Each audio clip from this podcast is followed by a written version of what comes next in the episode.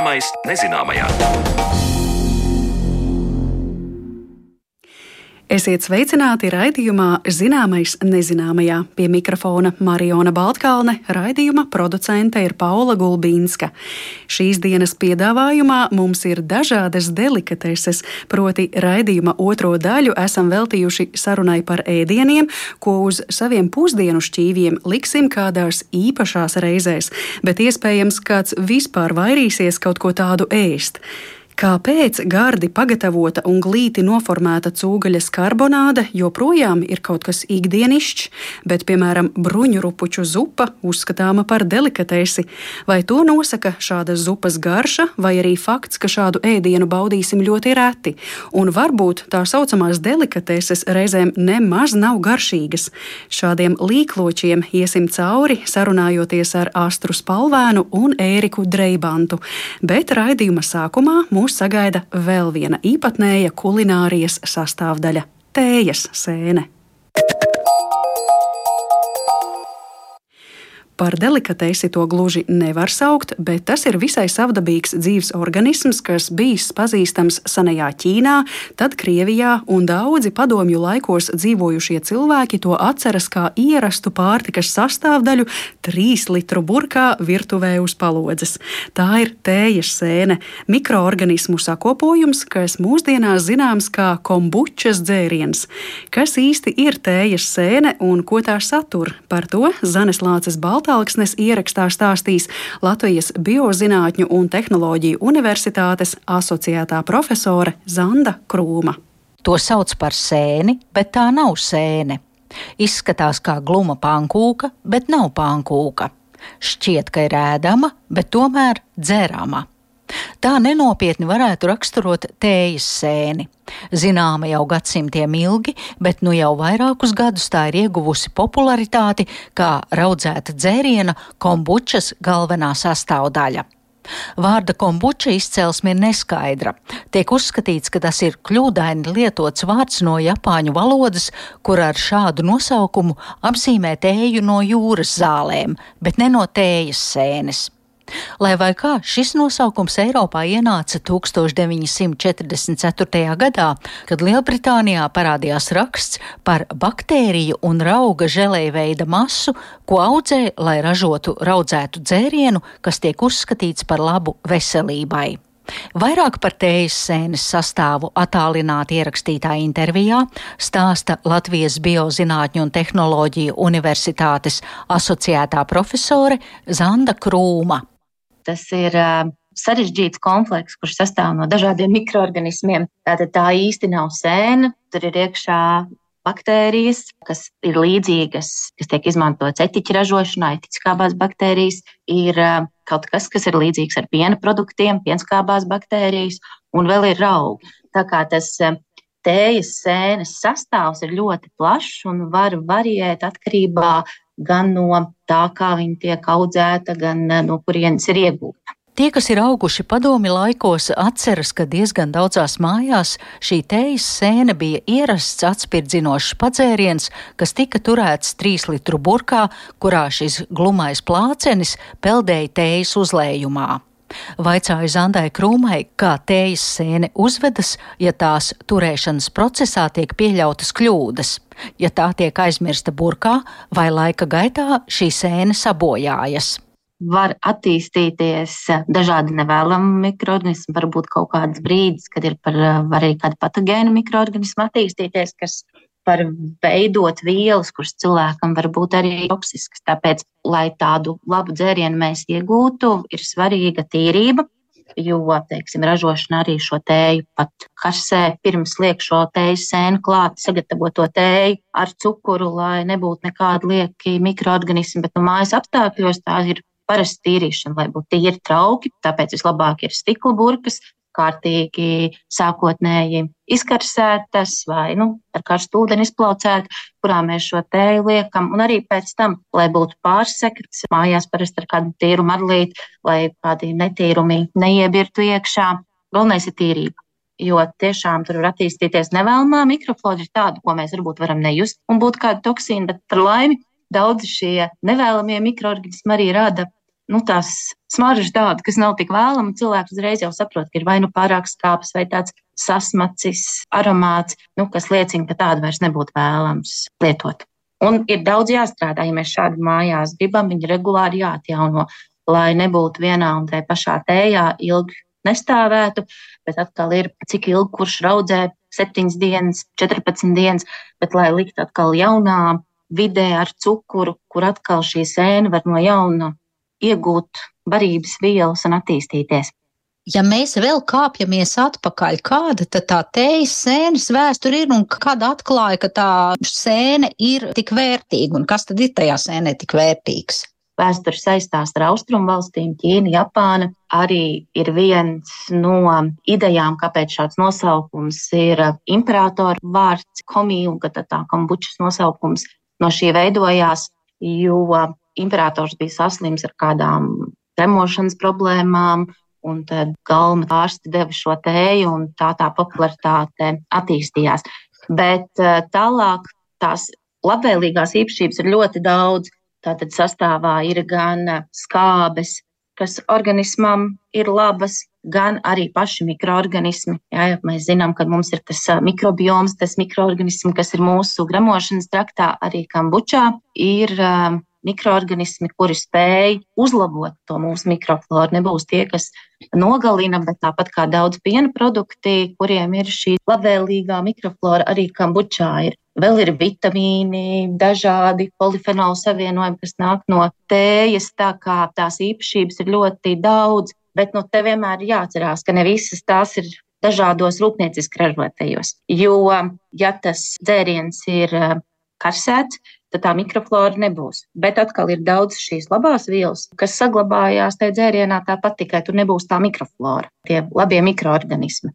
Bet arī jāuzmanās, jo, protams, ir redzēti tirgū tādi dzērieni, kur rakstīts ir kā buča, bet kuram ir pielikts kaut kāds etiķa aromāts, mazliet kaut kādas vielas, kas kā imitē to kambuču, bet kur tās varbūt labvēlīgās īpašības būtu krietni mazāk nekā dabīgi audzētajā.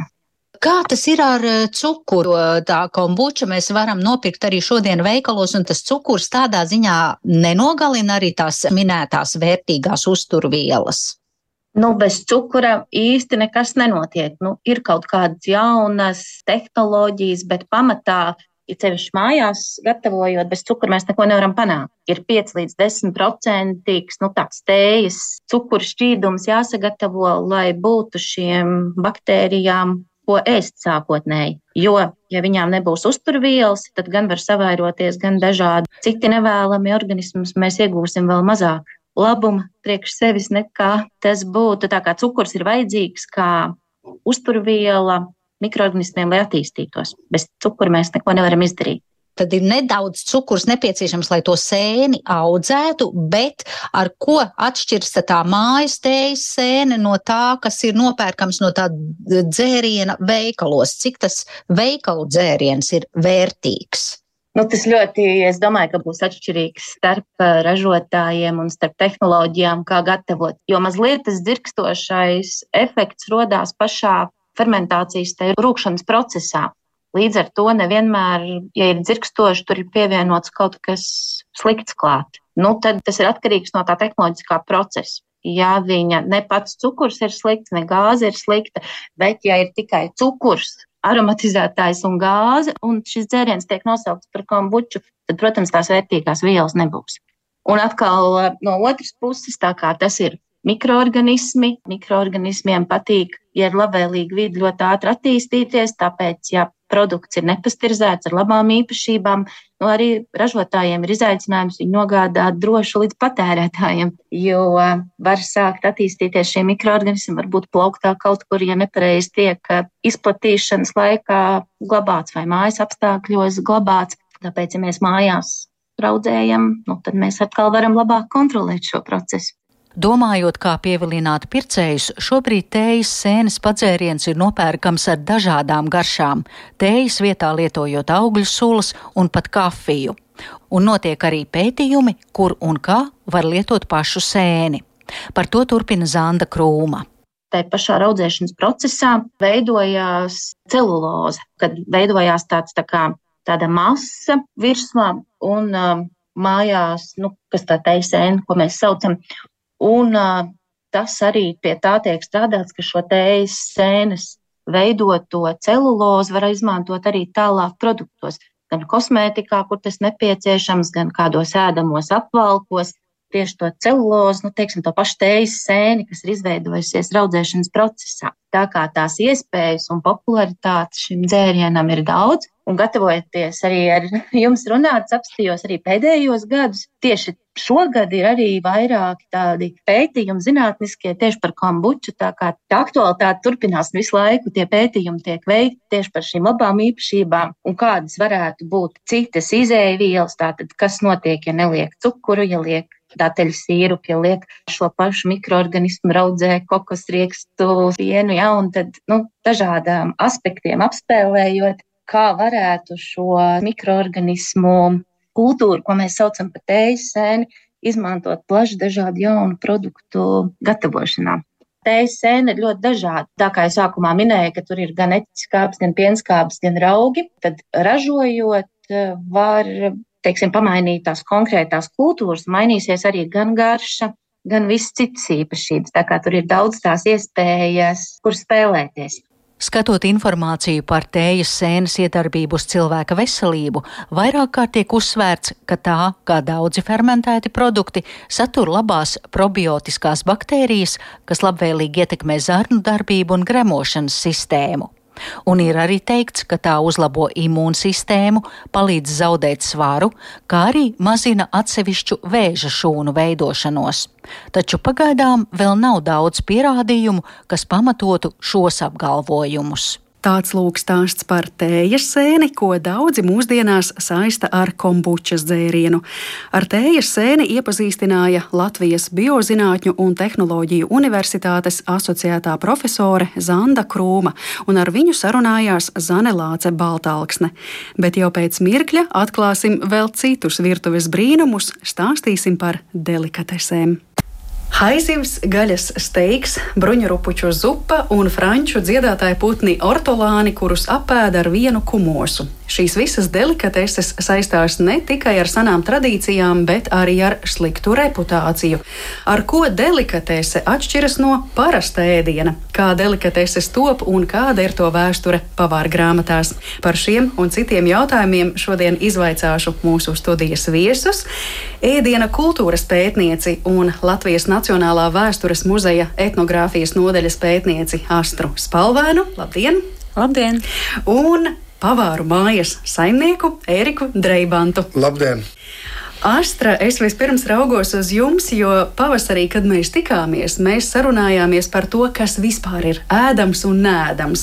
Un tur robežas eh, tik skaidrs nav, jo no vienas puses varētu teikt, nu kā, ēdams ir tas, kas var veiksmīgi iziet cauri mūsu gremošanas traktam, kas nenodara mums kaitējumu un vēl iedod kādas uzturvielas organismam, un attiecīgi nēdamais to nespētu. Bet no otras puses par ēdamām vai nēdamām lietām mēs runājam runājam arī tad, ja kādam kaut kas vienkārši garšo vai negaršo, vai arī reizēm saka, nu, ja man šīs sēnes ir tagad jāvāra divas vai trīs reizes, lai tās nebūtu rūktas, tad vai tās vispār var uzskatīt par ēdamām? Tātad psiholoģiskais, subjektīvais faktors arī parādās.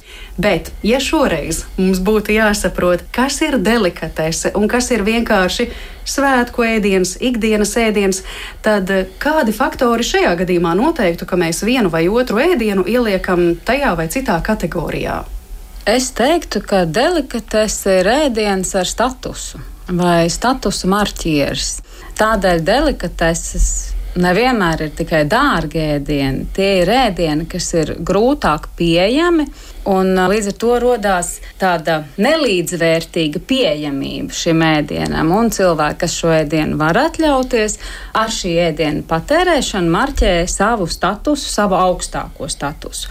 Manuprāt, tas būtu tas galvenais nošķīrums, ja mēs runājam vienkārši par svētku ēdieniem, kas var būt tradicionāli, garšīgi, ierasti, mantotas receptes, tad delikatesēm ļoti izteikti ir šis status aspekts. Produkti var nebūt dārgi, bet tiem var būt ļoti īsa sezona, piemēram. Vai tie var būt atrodami tikai vienā ļoti konkrētā vietā, vai tos var noķert, nezinu, tikai rītausmā ar kailām rokām. Nu, tam ir jābūt kaut kam tik īpašam, lai tas nebūtu pieejams visiem vienādi. Mm. Šefpavāru pasaulē Ērika domā tāpat? Es varu piekrist, ka Delktas ir tas produkts, kas ir ierobežotā daudzumā pieejams. Jā, nu, Otrs kriterijs ir, kas ir ļoti, ļoti dārgs. Ja? Piemēram, šogad deliktes bija lācena. Jo bija ļoti maz purvā lācens, burtiski varēja dažas saujas salasīt. Attiecīgi, lāceņu lasītāji cenas pacēla debesīs. Mēs viņus pirkām, mums vajadzēja viesiem piedāvāt jau pavisam citu cenu kā pagājušajā gadā, un tas tikai bija nu, nedēļu, divas nedēļas. Un tas pieprasījums arī radās, ja, jo tā šogad bija nu, tāda deficīta oga. Un arī tāda, nu, teiksim, īslaicīga delikatese kļuva. Jā. Nākamgad iespējams, o, tur metīs pakaļlācens. Tā tad arī sezonalitāte. Un kā ar paša ēdāja statusu, teiksim, stāvoklis sabiedrībā, tas, ko viņš ēd, automātiski arī noteiktu, ka šis ēdiens ir citāds, delikatese. Jā, nu noteikti. Tāpēc jau nevēl taisa austeru vakars, ja kur zinām sabiedrība pulcējās, vai tur ir kādu fjordu, langustu vēžu atvest, un tad rīko speciāls vakariņas, kur cena pavisam citu, un tad sabiedrība arī pavisam citu lokus pulcējās, lai ēst, vai tas pats ir par vīniem. Tā, protams, jā, tur noslēņojās ēdāji. Nu jā, tad mēs uzreiz droši vien domājam par vēsturiskajiem laikiem, kas bija uz karaļu galdiem. Pie tā arī vēlāk pakavēsimies. Bet es vēl iedomājos, vai nu, tādā īpašā, neikdienišķā veidā pagatavota parasta sastāvdaļa arī var būt delikatese. Piemēram, lielopu gaļas karbonāde, kas ir sutināta kādā īpašā traukā, lai šī gaļa būtu pēc iespējas mīkstāka, un tad vēl varbūt šī gaļa ir aplieta ar kādu izmeklētu mērci, nevis parasto balto, ko mēs ikdienā kartupeļiem lejam virsū. Šajā gadījumā tad arī tā karbonāde ierindotos delikatēšu kategorijā. Nu, par delikatešu noteikti mēs varam saukt arī kaut ko tādu, kas ir ne tikai grūti pieejams, reti pieejams, dārgi nopērkams, bet arī sarežģīti pagatavojums. Un to jau Eriks var labāk komentēt, bet ja tev ir divas dienas kaut kas jātaisa un tev ir nepieciešami dažādi rīki, ietaisas, tur saldēšana, atdzesēšana, tecināšana, darīšana, tad neapšaubām tā ēdienu vērtība aug. Pat ja tā sastāvdaļas ir ļoti vienkāršas, nu, piemēram, molekulāra gastronomija droši vien, vai ne? Nu, jā, tā, ne, tas jau ir um, parasts ēdiens lai karbonāde parasti kļūtu par delikatesi, ir nepieciešams mārketings, jeb stāsts, ja liels, mm -hmm. un tad jau viņi kļūst. Nu, Ņujorkā ir vienkārši lielopa gaļa, kas ir ielikts ar divām maizēm, ja? bet tur ir uh, tik liels stāsts par to visu, jā, kā viņi ir radušies, un tur stāv rindas. Ja? Nu, jā, garšīgi ir, bet, uh, ja nebūtu tā stāsta, tā būtu vienkārši nu, tāda maize ar lielopu gaļu. Un tad tas mārketings jau arī rada to delikateses statusu. Jā, nu, tur redz, manā draugs atbrauc no zemgales atveda marinētu cūgaļu šašliku, un viņš ar lepnumu teica, ka tikai tur tas viens ražotājs, un kā es to nezinot vidzemes pusē, ka tur tāds ir, ka visi, visi tur, kas ap Jālgavu dzīvo, dodas uz to vienu veikalu, pirkt to cūgaļus marinēto šašliku. Ja? Nu, tā tad viņi ir delikatese. Un kas ir astras pieminētā molekulārā gastronomija? Jā, molekulārā gastronomija tā ir vairāk modes lieta. Nu, ja tā ir modes lieta, tad, protams, atkal aug pieprasījums un ir daudz pakaļdarinātāju. Un tad ir viens Andrejs Ferreras, kurš dievs ir, un viņa produktu nobaudot, tu nokļūsti nirvānā. Es eh, šajā saistībā uzreiz iedomājos par slaveno Zahara torti Austrijā, nu? ka tikai dažās vietās ir tā īstā torte. Tad, kad tu to ēd, liekas, nu, nav jau it kā nekas īpašs. Ja? Tur šokolāde, vēl kaut kas sastāvā, bet nē, visās vīnas kafejnīcās nav īstā zahara torte. Mēs jau runājām par ēdāju statusu, un es gribētu jautāt, ko mēs vispār zinām par delikatesēm vēsturē. Piemēram, vai karaļu galmos bija svarīgi, ka uz galda lūk ir šādi dārgi, reti ēdieni, kuriem varbūt pat neviens nepieskaras, neviens tos nēd, bet ir svarīgi, ka tie tur ir, jo tie apliecina statusu. Tā informācija par karaļu galdiem, ja mēs varētu teikt, aristokrātu virtuvi, kas būtu plašāks tvērums, tāda nostāsta par to, ko kurš ir ēdis, cik daudz, ko kuram piedāvājis, pagaršojis vai metis ārā. Mums īsti tāda informācija dokumentēta nav tikusi, jo tas ir tik ļoti situatīvi. Tas ir viens no tādiem procesiem, kur nav nekāda pierādījuma. Piemēram, apģērba mēs tur redzam, pierādījums bija tādas kurpītes, to varēja valkāt. Ir gradzeni, aproces, zelts, sudrabs, brokāts, ēdiens, visas tās delikateses ir apēstas, trauciņi tukši, tad kas tur bija iekšā un kāds tas bija, mēs pateikt nevaram. Bet, protams, ir dokumenti, un tas ir arī pirmo pavārgrāmatu izcelšanās iemesls dokumentēt šos te dišciltīgo banketu, šīs lielās maltītes. Un, protams, ka šajā situācijā svarīgākais nosacījums bija, lai uz galda būtu kaut kas tāds, ko vienkāršie ļaudis, kam viņi netiek klāt. Nu, tādēļ es arī to minēju jau sākumā, ka tādā veidā attīstās tas, ko mēs saucam par delikatesēm, jo tā ir sociāla norobežošanās. Vēsturiski īpaši skatoties jau no 18. gadsimta var redzēt to, ka ēdiens no šī te dišciltīgā galda no galma nonāk pie aristokrātiem, nonāk pie pilsētniekiem, nonāk pie zemniekiem. Tad ļoti intensīva vēlme atdarināt tos ēdienus un tādēļ arī, protams, ēdiens iegūst prestižu, jo tas ir plašāk pieejams, jo tas šo prestižu zaudē. Protams, ir arī kaut kādi tādi ēdieni, kuriem var izsekot, ka tie ir kā, vairākus gadsimtus jau bijuši uzskatīti par delikatesēm. Viena lieta, kas man ieinteresē mūsu pirmajās Latvijas pirmajās pavārgrāmatās, bet nu, jau runājot par 19. gadsimtu, ir tas, ka šīs delikateses tiek liktas kopā. Ēdiens iegūst vērtību tad, ja tur ir viss kā daudz un pat tā aprakstīts. Nu, tad liekat klāt austeres, murķeļus, vēžus un tad Es nezinu, kāds varētu garšot, to varētu pamēģināt. Bet, nu, ka pamatā ir sautējums, nu, kas tā kā nav nekas izcils, bet to tā kā var faktiski mēs pat teiktu cenu uztaisīt, vērtību uztaisīt liekot iekšā produktus ar augstu prestižu. Tātad mēs varam teikt, ka delikatesēm ir bijusi vieta pavāra grāmatās. Nav tā, ka tas tikai ceļotā mutvārdu tradīcijā tās ieņem savu vietu. Nu, protams, tā jau faktiski tas veidojas. Mutvārdu tradīcijā es domāju par delikatesēm vismazāk var runāt. Tādēļ, ka, lai veidotu prestižu, ir nepieciešama rakstiska fiksācija.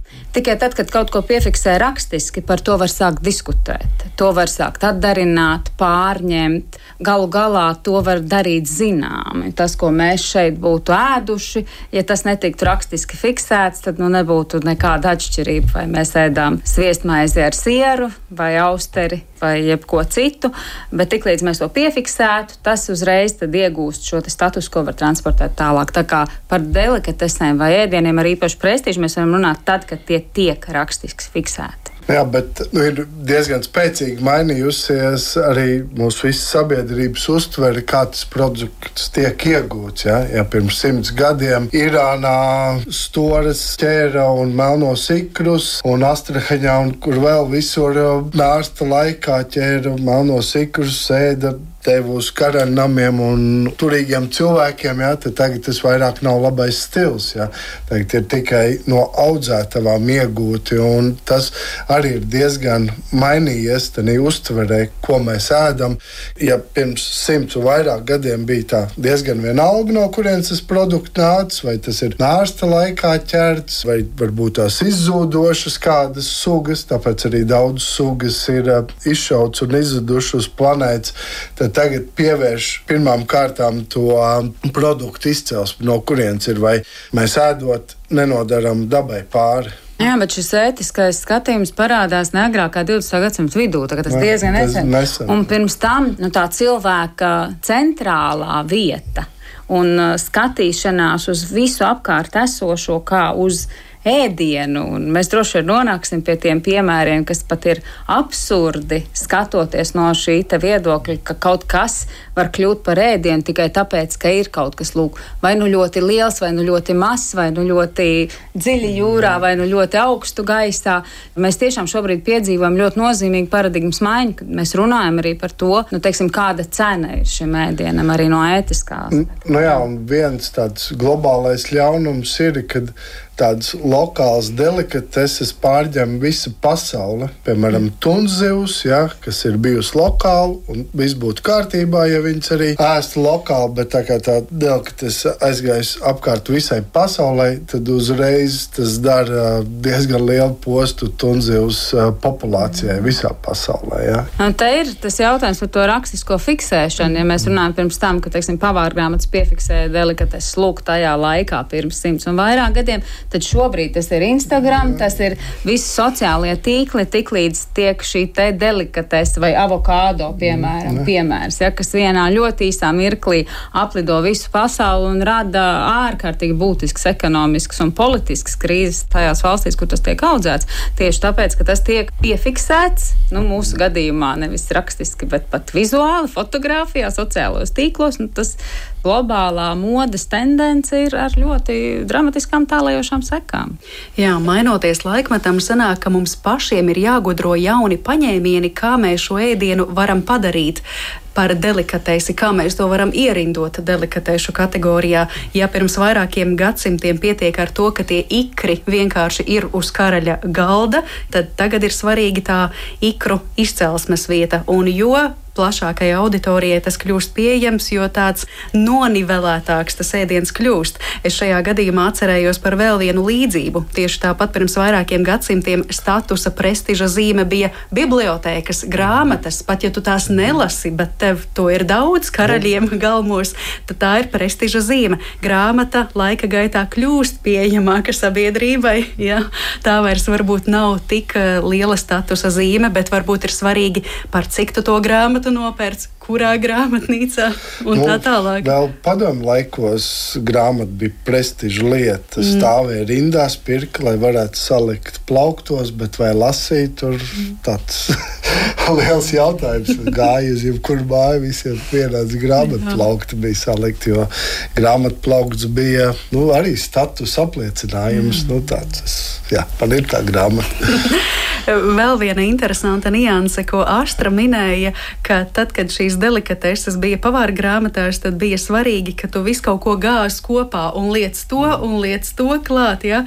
Tagad mūsdienās es zinu, piemēram, labi picu cepēji saka, kas tā par latviešu modi uz picām gāzt un desu un gurķus un to un to un to. Netaisiet picu par rosolu. Labai itāļu picai pietiek ar sieru, tomātu mērci, maksimums četras sastāvdaļas. Tā ir Erika jo mazāk, jo minimālāk, jo delikatesīgāk. nu, jā, nu, pats galvenais, lai ir labs izcelsmes produkti. Un tādu pīci margaritu, kas ir tāda klasiskā pīci, augs krāsnī cepta. Tur ir nepieciešami jā, četri pamatprodukti. Viņus var izvēlēties ļoti kvalitatīvus un garšīgu pīci ātri augstas krāsnī pagatavot. Nu, tad, teiksim tā, tad tā pica ar četrām sastāvdaļām, ir tā delikatese, un tad tautas pica ir, ko piedāvā ļoti daudz lielie tīkli, nu, kad uz picām var salikt, nu, daļu kas mums tīk, jā. Bet vai viņi ir negaršīgāki? Nu, nav. Vienīgi tā ir, tad, jā, teiksim, tautas tāda pica, kuru tu vari jebkurā vietā pasūtīt, paņemt līdzi, jā, bet tad jau tā malka ceptā nu, ir šis notikums, uz kuru tu ej, un tad varbūt kādu vīnu vēl izvēlēties mm. klāt. Kaut gan pēc idejas tā parastā pizza Itālijā jau viņas, nu, tā arī visur cepi, ja nekas savādāks jau tā nav. Kāpēc es par to minimālismu iedomājos? Jo eh, cik no savas pieredzes zinu, nu, tādos smalkākos restorānos tomēr tie šķīvi un tās porcijas reizēm nav pārbāztas ar ēdienu. Ja? Reizēm saka, ja tu ej uz smalku restorānu, rēķinies, ka tu nepārēdīsies, tu nepieēdīsies, jo tas smalkums, minimālisms ir tāds standarts. Nu, negribētu piekrist tam. Principā, veidojot jebkuru ēdienkarti, nu, mēs vienā maltītē varam apēst nu, puskilo, 700 gramus apmēram. Un tas, ka dod 12, 20 kārtas, jā, tie ēdieni ir mazi, bet tik un tā pavāri kalkulē to svaru. Nu, varbūt iesācēji tā uz dullo liek, nu, bet tu tomēr skaties, lai tas cilvēks, kad pienāk 20. kārta, lai viņš jau viņu varētu apēst, ja, lai viņš nepakrīt, nu, tiek skaitīts līdzi. Un, nu, es diezgan regulāri braucu uz pasaules labākajiem restorāniem, un nu, varbūt kādu retu reizi ir, kad pēc tam vēl nu, varētu aiziet uz kādu ātrā ēdināšanas iestādi, kādu kebabu apēst. Bet lielākoties 95% es esmu ļoti labi paēdis un fantastiski vakaru pavadījis. Mm -hmm. Bet, ja cilvēks nav zinošs par kulināriju, tad bieži vien viņam ir vilšanās. Ja? Viņš saka, nu, man nesa to, to, to. Nu, tomēr arī uz restorānu jāiet ar priekšzināšanām. Jā. Tad tu arī gūsi to baudījumu. Varbūt tās ne? arī tāds restorāns, arī apmeklējums ir kā savu veidu delikates, jo viņš ir ļoti grūti pieejams, viņš ir ļoti dārgs un tas apmeklējums jau viss kopumā kā viena liela delikatese. Redz, kā. Ja mēs pakavējamies pie kādiem piemēriem no kulinārijas pasaules, kas varbūt reizēm tiešām ir absurdi, jo pat ja tie nonāk ēdienkartē, tas nenozīmē, ka tie ir tiešām garšīgi. Mēs jau te aprunājām austeres vienu brīdi ienāca mūsu sarunā, tāpat gliemeži. Es sarunas sākumā minēju haizivs gaļas steiku, bruņu rupuču zupu. Cik daudz ir zināms par to, ka tie ēdieni tiešām būtu garšīgi, ka ēdāji to slavētu, kā, hmm, jā, haizivs gaļas steiks, nu tas ir tas, pēc kā es ilgojos. Vai šeit atkal drīzāk stāsts ir par to, ka tikt pie haizivs gaļas vai bruņurupučiem nav nemaz tik vienkārši, un tāpēc mums tā ir delikatese. Ērika ir pašam sanācis garšot. Jā, ir sanācis garšot tādu, nu, haizavītā spuri ir tāda delikatēs pati mm. gaļa nav, un tāpēc arī aicina neēst tās haizivs spuras, jo principā noķer haizivs, nogriež spurs un pārējo zivi to gaļu kā mazvērtīgi izmet atpakaļ jūrā. Nu jā, un tā spura ir tā delikatese. Es jā, esmu Āzijā ceļojis, vis kaut kur, bet ir uh, vis kaut kas garšots Un, um, jā, ja tas ir svaigi, tikko no jūras noķerts, tad tam ir garša. Piemēram, tie produkti, kas atnāk bieži vien uz Latvijas, kur ir ilgs ceļš bijis, tad viņam arī pazūd tā garša. Un, kā jau pirms tam mēs runājām, ļoti svarīgi ir izcelsme. Katra reģiona valsts tieši lepojas, kas man ir tepatās 10 km attālumā, 50 km attālumā, kas ir uzaudzis izaudzēts, un to jau mēs mēģinām pārvērst nu, delikatesē. Tie laiki ir pagājuši. Jā, kādreiz atceros, varēja nopirkt konservu kārbās, bruņu rupuču zupas un vēl visu kaut ko, tad viņas taisīja vaļā, sildīja un pasniedza. Jā, un tas bija nu, notikums, jā, kad apēd kaut ko tādu. Bet tagad tas jā, ir otrā plānā, ja ne pat vispārīgi jau tiek izslēgts no ēdienkartēm. Jo man tā, protams, liktos vēl kā delikatese, varbūt tāpēc, ka es to nekad neesmu ēdusi, es nezinu šo garšu, bet iespējams globalizācijas laikmetā, kur tu vari dabūt jebko internetā vai veikalā, tad tā vairs pat nešķiet delikatese. Nu, jā. Man es domāju, ka mums ir jāsaprot arī, ja šo jautājumu tiešām nu, formulē tā, ka vai tas ir garšīgi vai nē, kā mēs varam aprakstīt savu garšu pieredzi. Un, uh, mūsu garšas pieredzes droši vien ir atšķirīgas. Tas, kas man garšo, tev negaršo, un uh, tas var būt nu, teiksim, ļoti komplekss pārdzīvojums. Bet šeit, manuprāt, svarīgi ir ņemt vērā to, ka garša tomēr nav tikai tie mēlis receptori, kas reaģē uz ēdienu, ko mēs liekam mutē, un ne tikai oža pat, bet tā ir arī redze, tā ir arī skaņa, bet tas ir arī pats pārdzīvojums.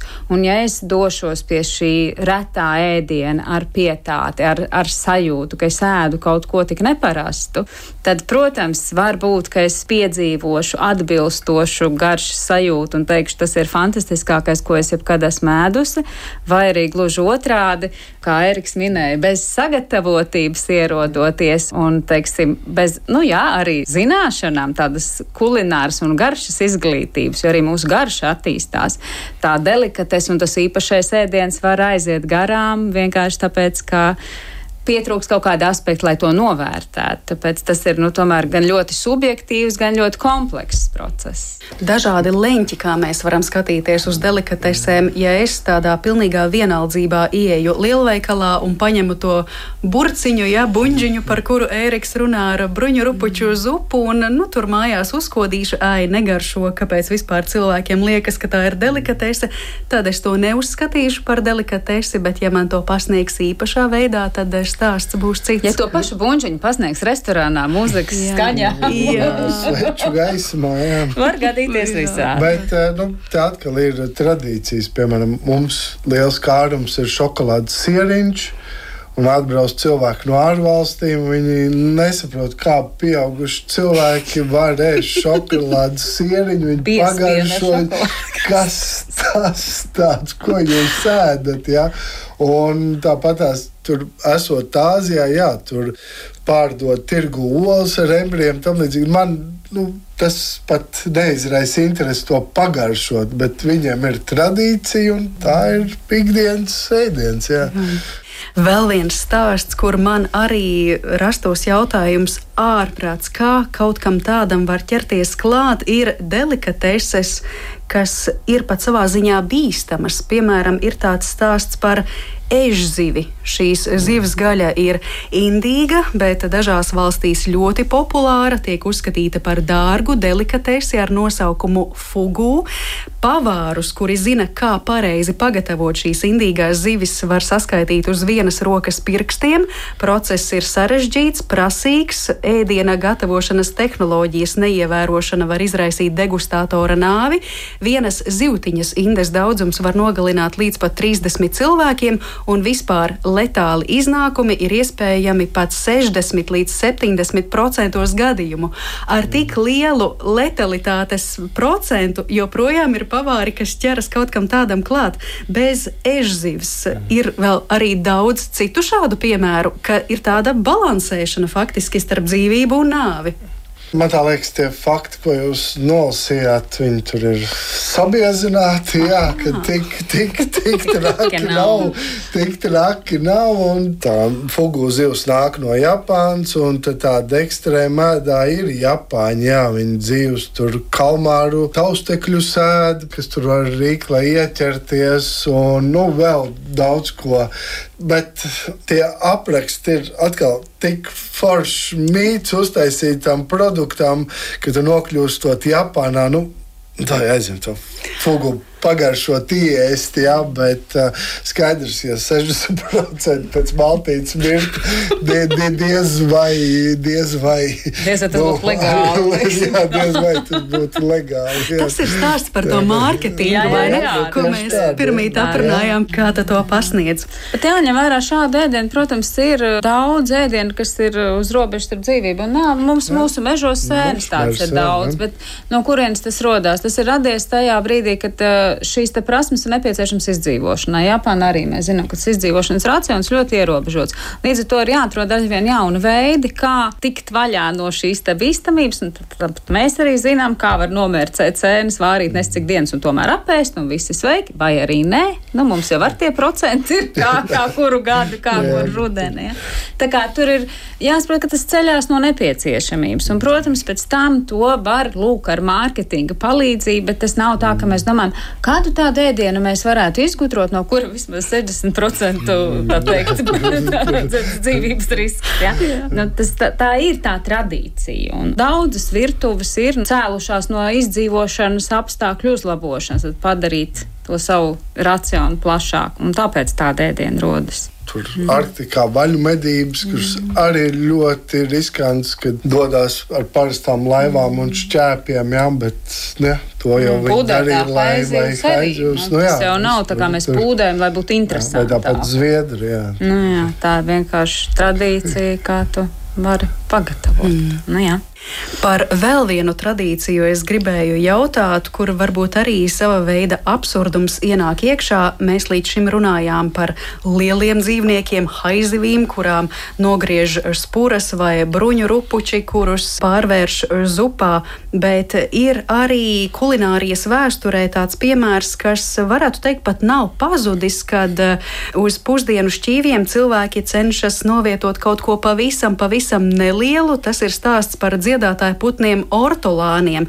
Francijas virtuve, franču virtuvē vispār izceļas ar daudziem interesantiem piemēriem. Tātad ortolāni īkšķa lieluma putniņi, kas daudzus gadu desmitus ir nonākuši uz franču šķīviem.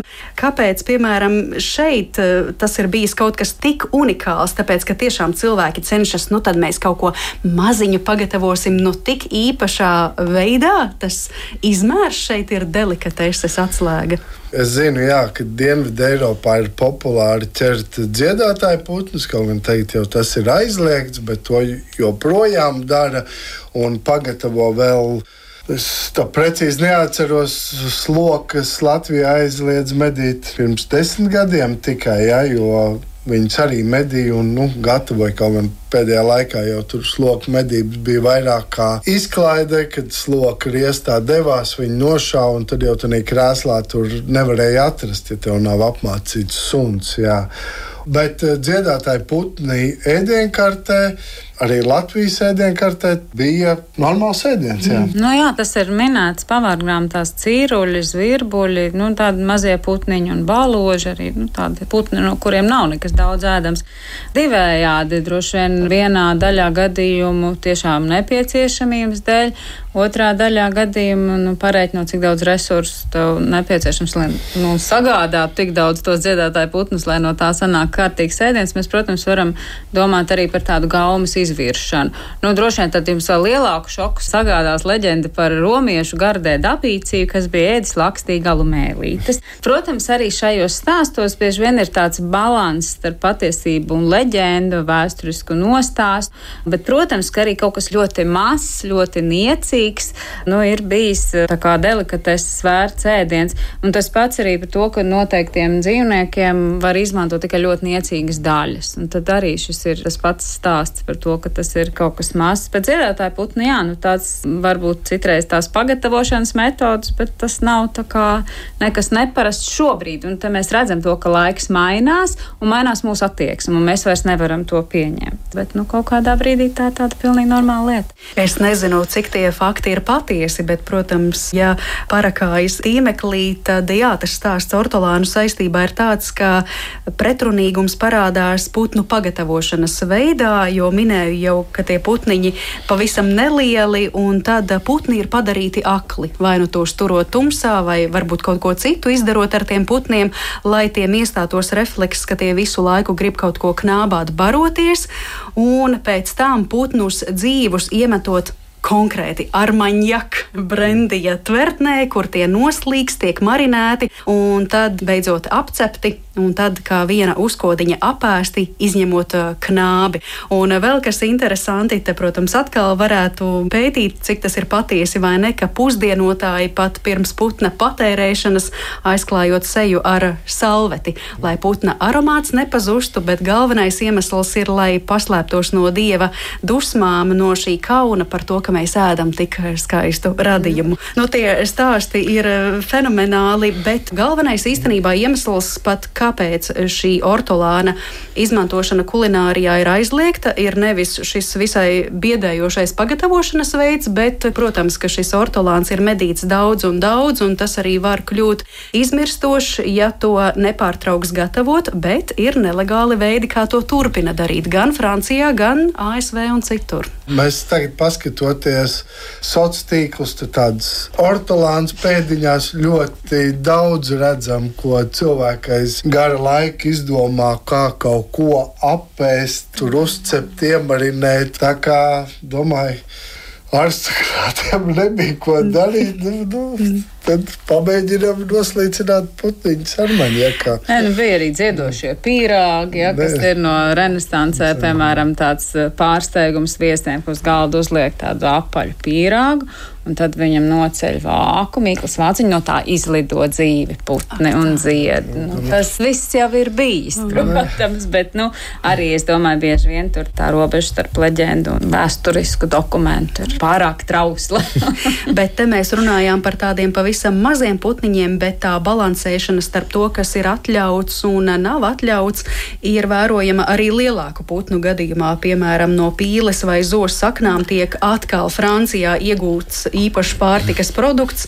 Nu, mēģināšu izrunāt pareizi. Foie gras, tās būtu aknas, un te atkal stāsts ir par to, ka tie putni tiek mākslīgi piebaroti tādā nesaudzīgā veidā, lai beigās tās aknas. Cerozi iestātos, un tad to mēs sēdam. Jā.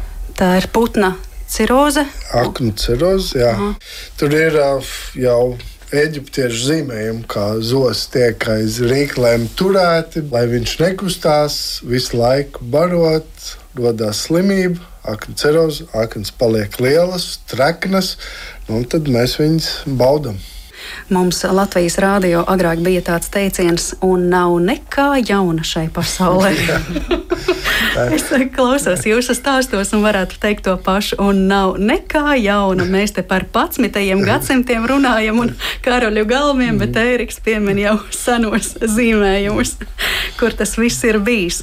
Līdz ar to es pietuvojoties mūsu sarunas noslēgumam gribētu jautāt, kā ir ar delikatesēm šobrīd. Tāpat pavāra mākslā, vai tās top, vai, piemēram, šefpavāram ir svarīgi, ka viņa restorānā ir lūk delikatese, kas būtu restorāna, nu tāds rokraksts firmas zīme. Jā, viennozīmīgi. Un, um, tas viens no uzdevumiem, ko arī pavāra mājā, mēs mēģinām atjaunot kopā ar zemniekiem tradicionālās šķirnes, kas no Latvijas ir uh, zudušas vai gandrīz vai izzudušas. Un, piemēram, šogad mēs ēdienkartē pasniegsim Latvijas abo kāli kurš palēnām tiek atjaunināts. Šogad jau būs lielāka raža, pagājušajā gadā jau bija. Mēs piedāvājam, tāpat tās pavāra dārzā mēs esam iestādījuši vidzemes skābos ķiršus ar domu, ka pēc gadiem jau arī būs raža.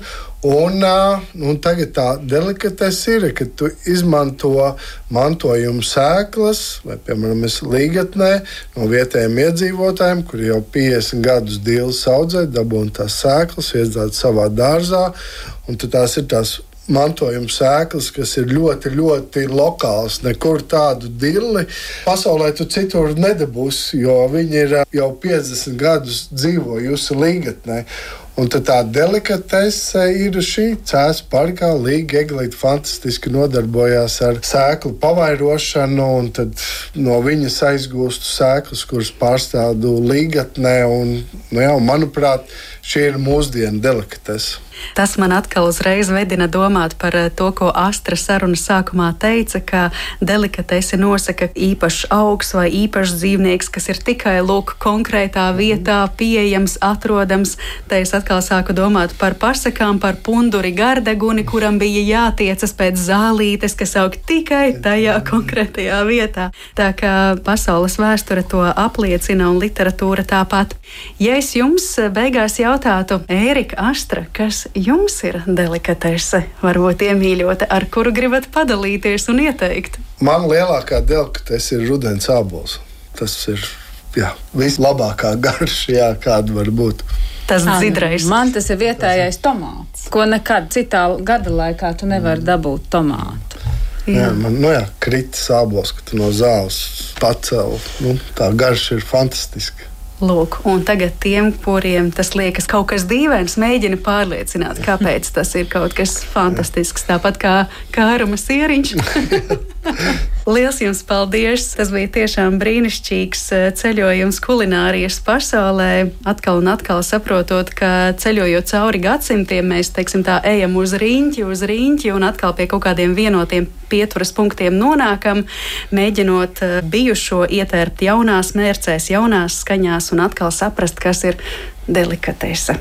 Es atgādināšu klausītājiem, ka ar mums šodien kopā bija ēdiena kultūras pētniece, Latvijas Nacionālā vēstures muzeja etnogrāfijas nodaļas pētniece Astra Spalvēna un pavāru mājas saimnieks Ēriks Dreibans. Paldies jums liels abiem par sarunu un par prieka mirkļiem studijā.